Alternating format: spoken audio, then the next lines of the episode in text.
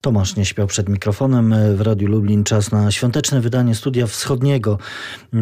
A dziś naszym gościem jest pani dr Anna Barzenowa z zespołu Europy Wschodniej Instytutu Europy Środkowej w Lublinie. Dzień dobry. Dzień dobry.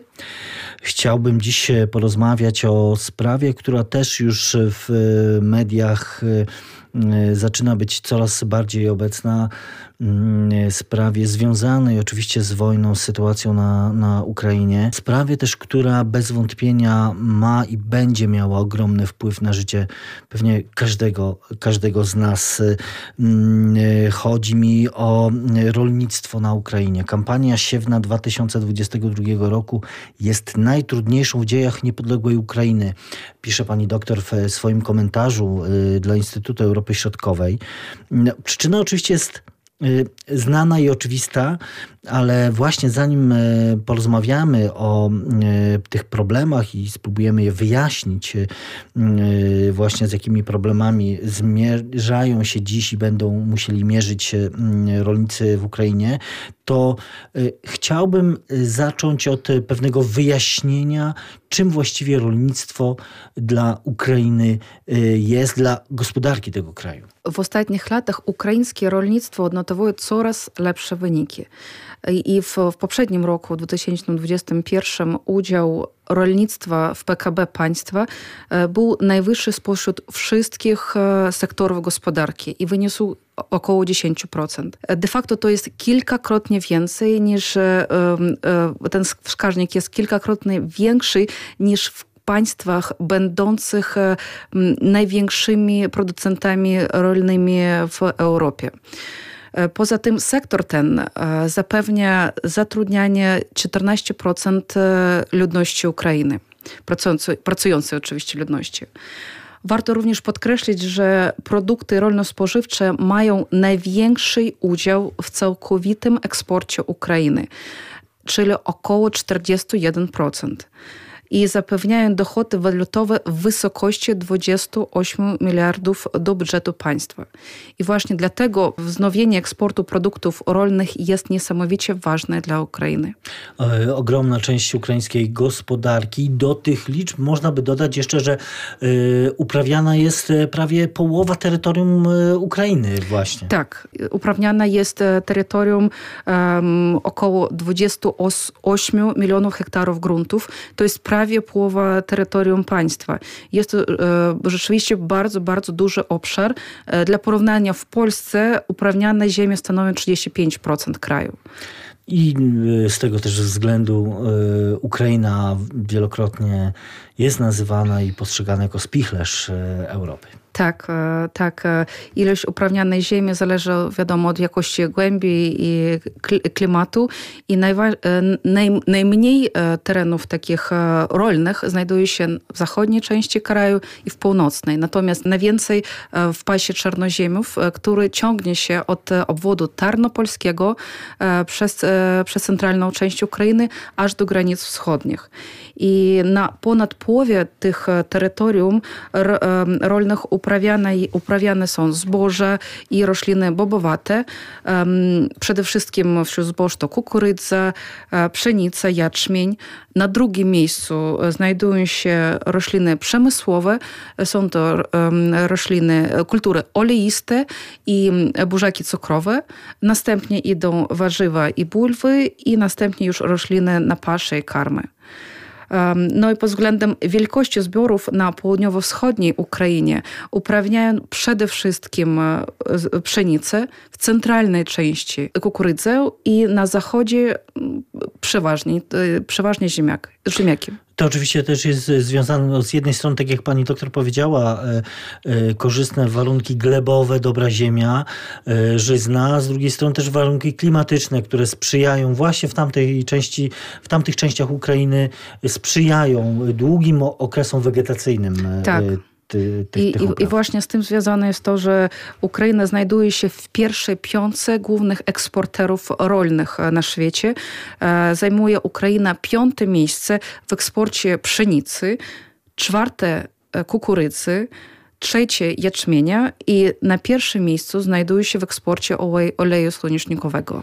Mówimy tutaj o światowych, światowym tak, eksporcie. To o też po, pokazuje skalę, skalę, skalę e, znaczenia E, rolnictwa ukraińskiego nie tylko dla gospodarki jakby na, na rynku wewnętrznym, ale też e, ogromną skalę e, na, na rynku, mówiąc wprost, światowym. E, tak. Ukraina jest jednym z największych gwarantów światowego bezpieczeństwa żywnościowego. Jeżeli spojrzymy na, na historię, to 20 lat temu pa, ukraińskie państwo karmiło około 40 milionów ludzi na świecie. E, nie licząc, e, wiadomo, Ukraińców. Natomiast w ostatnich latach e, eksportowanie produktów rolnych pozwalało na wyżywienie około 400 milionów ludzi na świecie, nie licząc mieszkańców Ukrainy. I ciekawe, że obowiązująca przed wojną strategia rozwoju rolnego Ukrainy do 2030 roku przewidywała dostarczanie żywności już milionu ludzi na świecie. Yy, no to skoro, skoro też już y, to padło, bo dziś, dziś mamy takim grani, taki graniczny moment, czyli wybuch y, wojny 24 y, lutego, atak wojsk rosyjskich na, Ukrai na terytorium Ukrainy, zmienił oczywiście cały, całe funkcjonowanie państwa ukraińskiego, ale też w ogromnym stopniu wpłynął na, no właśnie na te rzeczy, o których dzisiaj rozmawiamy. Z danych, które też pani przywołuje w tym komentarzu wspomnianym dla Instytutu Europy Środkowej, pisze pani też o tym, że no, te konsekwencje już widać, mówiąc wprost, no bo, bo te zmniejszenie, zmniejszenie powierzchni zasiewów. Co się zmieniło? Co wojna konkretnie zmieniła przez te kilkadziesiąt już dni działań wojennych? No, biorąc pod uwagę trwającą wojnę i, i wymuszone przez nią zmniejszenie areału, jak pan powiedział, e, zasiewów, nie można w chwili obecnej powiedzieć, jakie będą płony w, w, w, w roku bieżącym. Tak? Jednak ukraiński rząd, jak też ukraińscy rolnicy nie prognozują um, deficytu, niedoboru żywności w państwie. E, że, um, I mówią, że e, twierdzą, że wewnętrzne zapotrzebowanie prawie, e, na prawie wszystkie rodzaje upraw zostanie zaspokojone. Czym oni to tłumaczą? Przede wszystkim tym, że część już powierzchni została zasiana i taka spora część de facto połowa powierzchni została zasiana uprawami ozimymi jeszcze jesienią poprzedniego roku. E, przede wszystkim jest to pszenica, rzepak, jęczmień i te mm, ozimy oni dość dobrze przezimowały. Jeżeli chodzi o pozostałą część Ukrainy, e, pan słusznie powiedział, że e, e, terytorium zasiewu skróciło się na 25-30% i, i na chwilę obecną już zaczęto siewy w 21 obwodzie Ukrainy z 25 i warto podkreślić, że mimo trwającej wojny i wszystkich problemów infrastrukturalnych, takich jak zniszczenie mostów, dróg, techniki, szybkość zasiewu nie została zmniejszona, a nawet e, jeżeli porównać z poprzednim rokiem, e, na chwilę obecną, zasiano zostało już 10% więcej e, terenów niż w poprzednim roku. Czyli taka mobilizacja. Taka, wiadomo, że i również pogoda temu sprzyja, sprzyja ponieważ jest cieplej niż w poprzednim roku. No i wiadomo, jest mobilizacja i rolników, i, i e, e, farmerów, rolników, i również społeczeństwa, i również państwa, które do tego również e, bardzo, bardzo pomaga. Ale jeśli, jeśli ta powierzchnia zasiewów jest zmniejszona o te 25-30%, czy należy się spodziewać, że no jakieś to negatywne konsekwencje dla Ukrainy i, i odbiorców tych płodów rolnych będzie to miało? Czy, no bo patrząc też na, na te deklaracje władz, no widzimy, one uspokajają, że, że jest, że jest y, y, zabezpieczenie jeśli chodzi o, o, o, o rolnictwo, o płody rolne. Tylko pytanie, czy rzeczywiście tak będzie, bo ja znowu sięgnę jeszcze do, do komentarza, w którym pani pisze, że wojna doprowadzi do katastrofy, która dotknie zarówno lokalne rolnictwo, jak i światowy rynek rolny. Dlatego znaczenie tegorocznej kampanii siewnej mierzy się nie tylko w kategoriach urodzaj, cena, zysk, ale także w perspektywie dalszego istnienia państwa ukraińskiego i bezpieczeństwa żywnościowego y, świata. Tak, no to ten komentarz był napisany już tydzień temu, jeżeli to się nie mylę. I wiadomo, że ta sytuacja jest bardzo dynamiczna, zmienia się, zmienia się tak. bardzo dynamiczna i wiadomo, że władze ukraińskie zaspokajają, że problemu z żywnością nie będzie. Głównie e, czym oni i rolnicy również to tłumaczą, że jeżeli na chwilę obecną eksport de facto został um, zablokowany, e, to um, ta żywność, która została niesprzedana na, na, na, na rynki zagraniczne, ona pozostała w państwie. A, no właśnie, bo to dziś, dzisiaj też się z, zmienia o tyle, że dziś priorytetem jest zabezpieczenie tych wewnętrznych y, y, dostaw e, żywnościowych, prawda? No dziś no, siłą rzeczy y, Ukraina i państwo ukraińskie muszą zmieniać swoje te priorytety w tym zakresie. Tak. I tutaj war, e, warto wspomnieć, że Ukraina eksportowała około 70-80% e, całej żywności, którą ona produkowała. Czyli jeżeli ta żywność nie zostanie sprzedana, a, a część nie, nie, jeszcze nie została sprzedana z poprzedniego rodzaju, to ta żywność pozostaje na Ukrainie. A to znaczy, że Ukraina e, będzie e, miała produkty dla wyżywienia na około 2-3 e, lat. No przynajmniej nam tak mówią rolnicy, ale e, i... E, no ale też te twarde dane de te facto twarde o, dane. Tym, o tym świadczą, że rzeczywiście te, ten taki uspokajający, jak rozumiem, ton y, y, przedstawicieli państwa y, znajduje uzasadnienie. Tak. E, natomiast jeżeli mówimy już o e, innych państwach, których e, może dotknąć, a już szczerze mówiąc, dotykają konsekwencje, dotykają, dotyka sytuację nie tylko na Ukrainie, ale również w Rosji. W Rosji w jakim sensie, że i Rosja i Ukraina były głównymi eksporterami zbóż i żywności, przede wszystkim zbóż na świecie. I de facto wymuszona gwałtowna redukcja eksportu produktów rolnych z tych dwóch dwóch państw doprowadzi do wzrostu cen żywności na całym świecie, e, co może doprowadzić e, do, e, do, do głodu w miejscowościach, gdzie do najbiedniejszych miejscowości i już w chwili obecnej według ostatnich danych 27 milionów ludzi w Afryce Północnej niedługo doświadczą głodu. To jest takie ostatnie dane, które przytaczają e, media. E, ja jeszcze chciałbym zapytać e, o to, bo mm, scharakteryzowała pani doktor tą specyfikę rolnictwa ukraińskiego w podziale na poszczególne produkty, ale też sam, sam, samo rolnictwo rolnictwo, mm, to też e, e, możemy też podzielić na, na gospodarstwa mniejsze, większe. To też jest, jest funkcjonowanie dużych firm, które funkcjonują na obszarze Ukrainy, zajmują się produkcją rolną. To są wręcz takie agroholdingi, o których się mówi.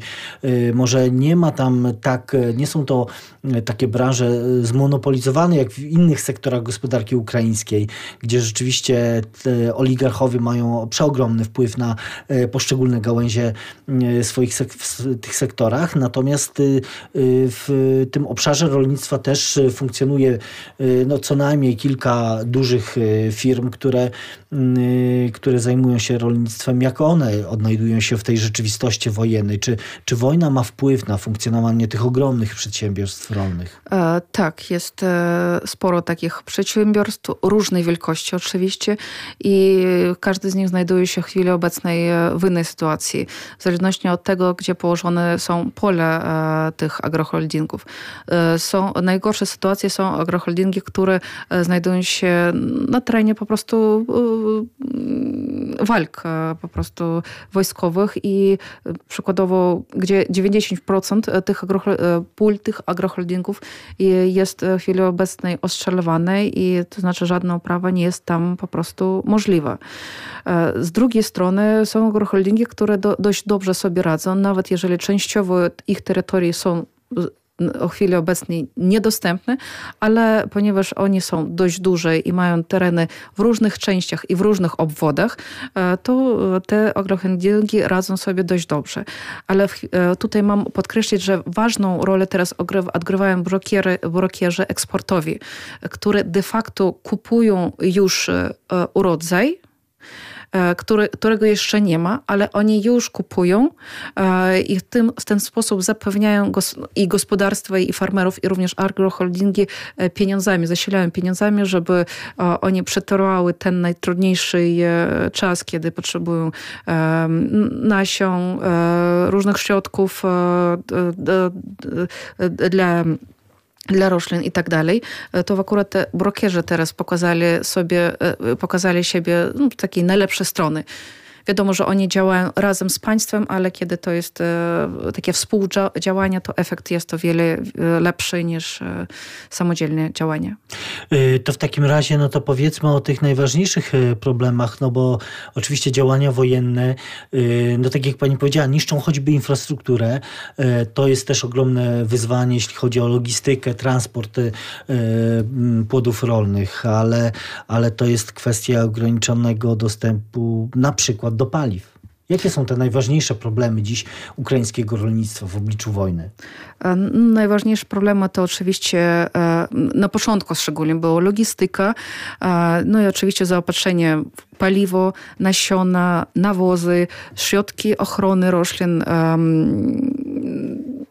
również technika, która zosta została zniszczona, um, części zamienne tej techniki, ale szczerze mówiąc rolnicy bardzo dobrze z tym radzą, korzystają z nasion przede wszystkim, które u nich już były, czyli nawet raczej nie chodzi o kupno, raczej o kupnie chodzi w tych obwodach zachodnich, gdzie jest to możliwe, a na, na pozostałym terenie państwa raczej korzystają z tego, co już, e, co już jest e, na miejscu. E, bardzo pomaga państwo w zaopatrzeniu w paliwo. Sytuacja wygląda tak, że nie mają zapasów, ale ciągle jest dowóz paliwa. No i z tym może, może również do tej kwestii przejdziemy, w jaki sposób zmienił, zmieniła się struktura struktura siewów. E.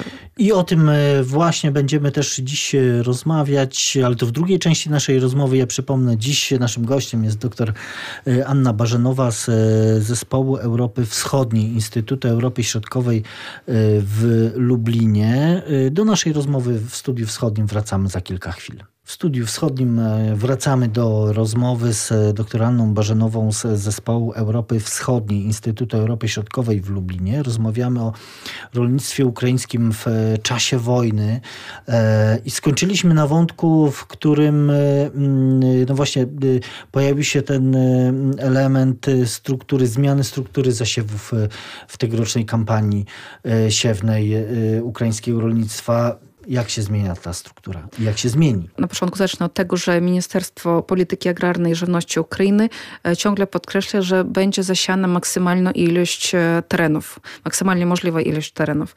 I w związku z tym e, była zmieniona i struktura zasiewów w związku z sytuacją obecną. I przede wszystkim na pierwszym miejscu stoi skoncentrowanie się na rynku wewnętrznym. Dlaczego? Ponieważ na samym początku wojny porty ukraińskie zostały mm, z, zablokowane, e, czyli eksport po prostu, po prostu za, został e, również zablokowany przez e, drogi morskie. Czyli, czyli to wszystko, co się dzieje w basenie Morza Azowskiego, więc Morze Czarne, także zablokowanie portów oznacza, że no ta, ta droga eksportowa największa droga. największa właściwie zamknięta zamknięte. E, tak jest, no, dostępny dla rolników w chwili obecnej został tylko transport kolejowy, za pomocą którego dziennie można przewozić, przewozić jedynie 20 tysięcy ton w chwili obecnej. Może coś się zmieni, ale mówimy, mówimy o teraźniejszości. I drugie, wracamy do wątku, który pociągnęliśmy już trochę wcześniej, e, to drugi czynnik to rosnące ceny paliw. Z jednej strony e, zapewnienie tych zaopatrzenia, zaopatrzenia tak. tych w paliwa, a również jeszcze cena dochodzi do tego. I rolnicy starają się na, różnie, na różne sposoby zmniejszyć zużycie oleju napędowego, e, zwłaszcza korzystając z systemu zerowej uprawy roli.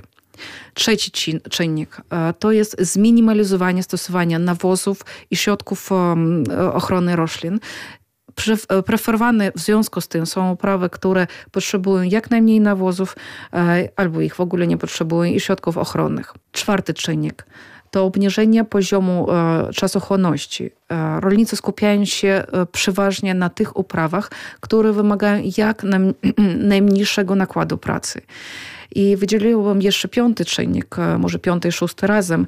E, to są problemy przechowywania i przetwarzania, e, ponieważ będą brane również pod uwagę, pod uwagę będzie brane ryzyko przystojów w pracy zakładów przetwórczych, mających kluczowe znaczenie szczególnie dla zbiorów kukurydzy i słonecznika, które są kulturami eksportowymi w większości, na 90-80% to są kultury eksportowe, czyli z tego powodu ich wielkość zasiewów e, tych upraw będzie mniejsza. I oczywiście, że wojna spowodowała znaczące zwiększenie objętości zasiewów e, e, zbóż spożywczych i kasz, w tym gryki, jeczmienia i grochu poprzez redukcję, jak powiedziałam, kukurydzy, a również soi. To jeszcze chciałbym tutaj jest, na chwilę zatrzymać się przy tych punktach, bo oczywiście no, no ten eksport jest Mm, oczywiście pewnie w tej długofalowej perspektywie szczególnie niepokojący. Y, czy wspomniała Pani, że no, sytuacja jest cały czas dynamiczna. Oczywiście państwo szuka różnych dróg y, y, takich eksportowych. Oczywiście to wszystko jest na jakimś, w jakiś sposób ograniczone siłą rzeczy, ale czy są rzeczywiście jakieś alternatywne możliwości szukania tych, tych dróg eksportowych? No oczywiście słyszymy też także w mediach, że, że też i poprzez Polskę ma, mają, mają te kierunki gdzieś być uruchamiane. Mm, jak państwo tutaj ukraińskie y, mm, radzi sobie w tym zakresie? Gdzie szuka tych alternatywnych dróg? E, jak już e, zostało wspomniane, że porty na Morzu Czarnym i Azowskim zostały zablokowane i w związku z tym rząd, jak również brokerzy eksportowi szukają pilnie i opracowują e, no, jakieś nowe drogi lądowe, logistykę lądową przez Polskę, przez Rumunię oraz przez Węgry z dalszym wykorzystaniem również portów, które mają te państwa, portów Unii Europejskiej nad Morzem Czarnym i, i Bałtyckim. Ciekawe, że rozważano również i faktycznie od samego początku rozważano opcję aktywnej eksploatacji ukraińskich portów na e, Dunaju. I nawet pojawiły się takie artykuły, że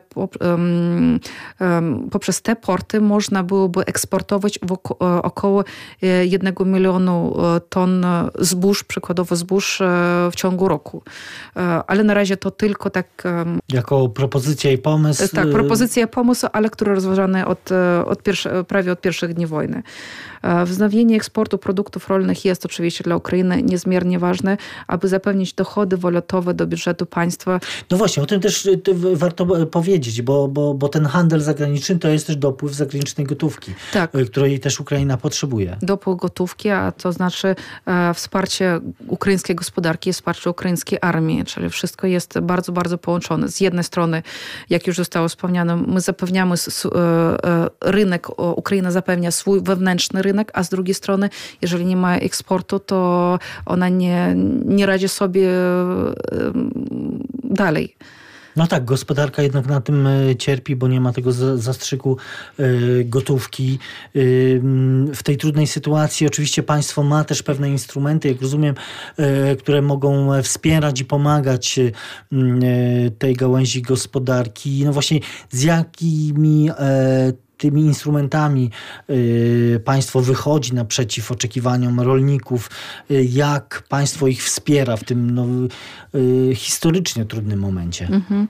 E, mogę jeszcze tak trochę pociągnąć poprzedni wątek i od razu mhm. przejść do, do kolejnego, e, że z jednej strony państwo opracowuje logistyki i tak dalej, i, ale jednocześnie e, jeżeli porty nie zostaną odblokowane, to e, oczywiście eksport zmniejszy, drastycznie zmniejszy się eksport. E, poleczono w chwili obecnej, że je, jeżeli tylko będzie mm, eksport przez granicę zachodnią, to eksport e, e, będzie wynosił tylko 10% um, tej żywności, które wysyłano wcześniej e, drogami eksportowymi. Czyli tam drogi są opracowywane. Z drugiej strony, jak państwo pomaga? Państwo łączyło się od samego początku. E, z jednej strony wspierając sektor rolny poprzez przede wszystkim w kampanii siewnej. Został już uproszczony dostęp producentów rolnych do paliwa. To już wspomniałam. Do no, Ale też były te, te właśnie obawy, że, że rolnicy nie zdążą, y, że, że no to wszystko siłą rzeczy się przedłuży i będzie miało wpływ. Tak. Y, to się y, nie stało przynajmniej na tym Nie na stało, tym nie stało i, i, i, nie stało. Te obawy były może no, przez pierwszy tydzień mniej więcej, a potem, potem naprawdę fantastycznie sobie radzą. E, tak, nie mają za dużo zapasów, ale mm, jest ich wystarczająco e, sporo, żeby radzić sobie w tej trudnej sytuacji. E, państwo również ułatwiło producentom e, dzierżawy komunalnych gruntów rolnych na okres wojny, co jest bardzo, bardzo ważne, szczególnie e, z perspektywy otwarcia rynku ziemi rolnej. Potem rząd również uprościł termin powołania do wojska tych poborowych, które są niezbędni dla ważnych gałęzi ukraińskiej gospodarki. No i oczywiście zawsze chodzi o finanse również. Również rząd pomyślał i o finansowej części wsparcia i w ramach takiego wsparcia ukraińscy rolnicy w czasie stanu wojennego oraz miesiąc po jego skończeniu mają prawo otrzymać kredyt do 60 milionów hryweń na 0%. I, a państwo swoj, swoją drogą gwarantuje bankom 80% zwrotu kwoty takiego kredytu w razie niemożliwości spłacenia takiego kredytu. I w sumie rząd przeznaczył na to 25 miliardów hryweń na takie prefer preferencyjne e, pożyczki um, na przeprowadzenie kampanii siewnej, a na chwilę obecną ogółem banki wydali już 2 miliardy e, hryweń takich kredytów. Państwo y, pomaga, wspiera, używa tych instrumentów, które y, pomagają ukraińskim rolnikom przetrwać ten najtrudniejszy moment, y, ale wspomniała e, pani doktor o otwarciu rynku ziemi rolnej. Myśmy rozmawiali kilka miesięcy temu na temat tej, tej sprawy. To jest ta, ta słynna ustawa e, z 2020 roku. Część jej elementów została wprowadzona od lipca ubiegłego roku roku. Mm, y, to też jest tak, że, że zdaje się do 2024 ona formalnie ma, ma zostać, ma, ma wejść w życie, mm, y, ale myślę, że to też jest dobra okazja do tego, żeby po, po, powiedzieć, jakie są konsekwencje no, w tym y, okresie od, od, od 1 lipca, czyli, czyli mamy 9 miesięcy mm, od, od wejścia tych części tych przepisów w, w życie. No i czy, czy wojna coś tutaj y, zmieniła w, w tym zakresie? Zmieniło to, że my nie możemy mówić teraz e, o 9 miesiącach, ponieważ liczba miesięcy, które można analizować, to gdzieś e, trochę więcej niż 7 miesięcy, tak? E, czyli do, do 24 lutego tego roku. Co można wnioskować z, z, z sytuacji z E, z, z otwarciem rynku ziemi. Po pierwsze, rynek gruntów otwierał się dość e, e, wolno. Naprawdę wolno ze względu na nieprzygotowywanie infrastruktury. Przede wszystkim to, jest, to są złożoność procesu podpisania umów, a także niekompletne rejestry gruntów. Ponadto, i to ważne, ilość e, chętnych kupić ziemię była o wiele większa niż ilość chętnych sprzedać ziemię, ponieważ to... Bo ja myślę, że też y, warto też przypomnieć, doprecyzować, że ustawa, która de facto wprowadzała możliwość wolnego obrotu gruntami rolnymi, co wcześniej było zakazane. Tak, e, to wcześniej było ten zakazany, ale ponieważ e, obywatele Ukrainy są e, ludźmi, którzy są bardzo przywiązani do ziemi i szczerze mówiąc wśród ekspertów były takie oczekiwania, że raczej e, ziemia nie będzie sprzedawana szybko, szczególnie za, za, za, mało, mhm. za mało pieniędzy. Takie, to, to nie będzie. To właśnie e, rolnicy czekali na lepszą ofertę, a ci chętni kupić nie potrafili kupić, ponieważ nie było tyle, oferta nie było tak bogata. I w związku z tym pełne, fun, pełne funkcjonowanie rynku rozpocznie się najprawdopodobniej za kilka lat, jak pan już wspomniał, od 24 roku. I myślę, że lepiej wrócić się do tego tematu po zwycięstwie Ukrainy, kiedy na pewne, pewne zmieni się również i prawodawstwo, ustawodawstwo ukraińskie, a również i system opodatkowania. Na pewno wojna wniesie sporo korektyw, aby tylko zwycięstwo było. E, oczywiście i do e, takiej e, rozmowy e, obiecuję, że, że wrócimy, ale jeszcze w takim razie, oczywiście życząc Ukrainie i Ukraińcom e, zwycięstwa w tej, w tej e, wojnie, ale wracając do kwestii związanych z ukraińskim rolnictwem, no to w związku z tym, że też, jak powiedzieliśmy, ma to sytuacja rolnictwa ukraińskiego ma przełożenie oczywiście na sytuację wewnętrzną, ale bez wątpienia też na sytuację na rynkach światowych, na, na sytuację w wielu E, państwach czy regionach, jak pani powiedziała, o, choćby o Afryce Północnej na, na świecie, mm, e, to, to właśnie no, o, o, o jakich konsekwencjach może być mowa, e, no, rzucając okiem na, na te dane, które mówią o tym, że no, choćby cena pszenicy na giełdzie w Chicago wzrosła od początku wojny, już zdaje się nawet blisko 70%. Te, te ostatnie informacje mówią o takich, takich danych, więc, więc jak ta wojna w Ukrainie może wpłynąć, pewnie już wpływa na, na rynek żywnościowy na świecie. E, przymusowe zmieszanie obszaru zasiewów, o którym już rozmawialiśmy dzisiaj, i również problemy z eksportem e, płonów e, wpłyną przede wszystkim na, na negatywnie na zaopatrzenie państw Afryki, wspomnianej już Afryki Północnej, Bliskiego Wschodu oraz Azji Południowo-Wschodniej, które importowały w znacznych ilościach produkty, ukraińskie produkty rolne. Większość z nich to kraje najsłabiej rozwinięte lub o niskich dochodach i niedoborach żywności.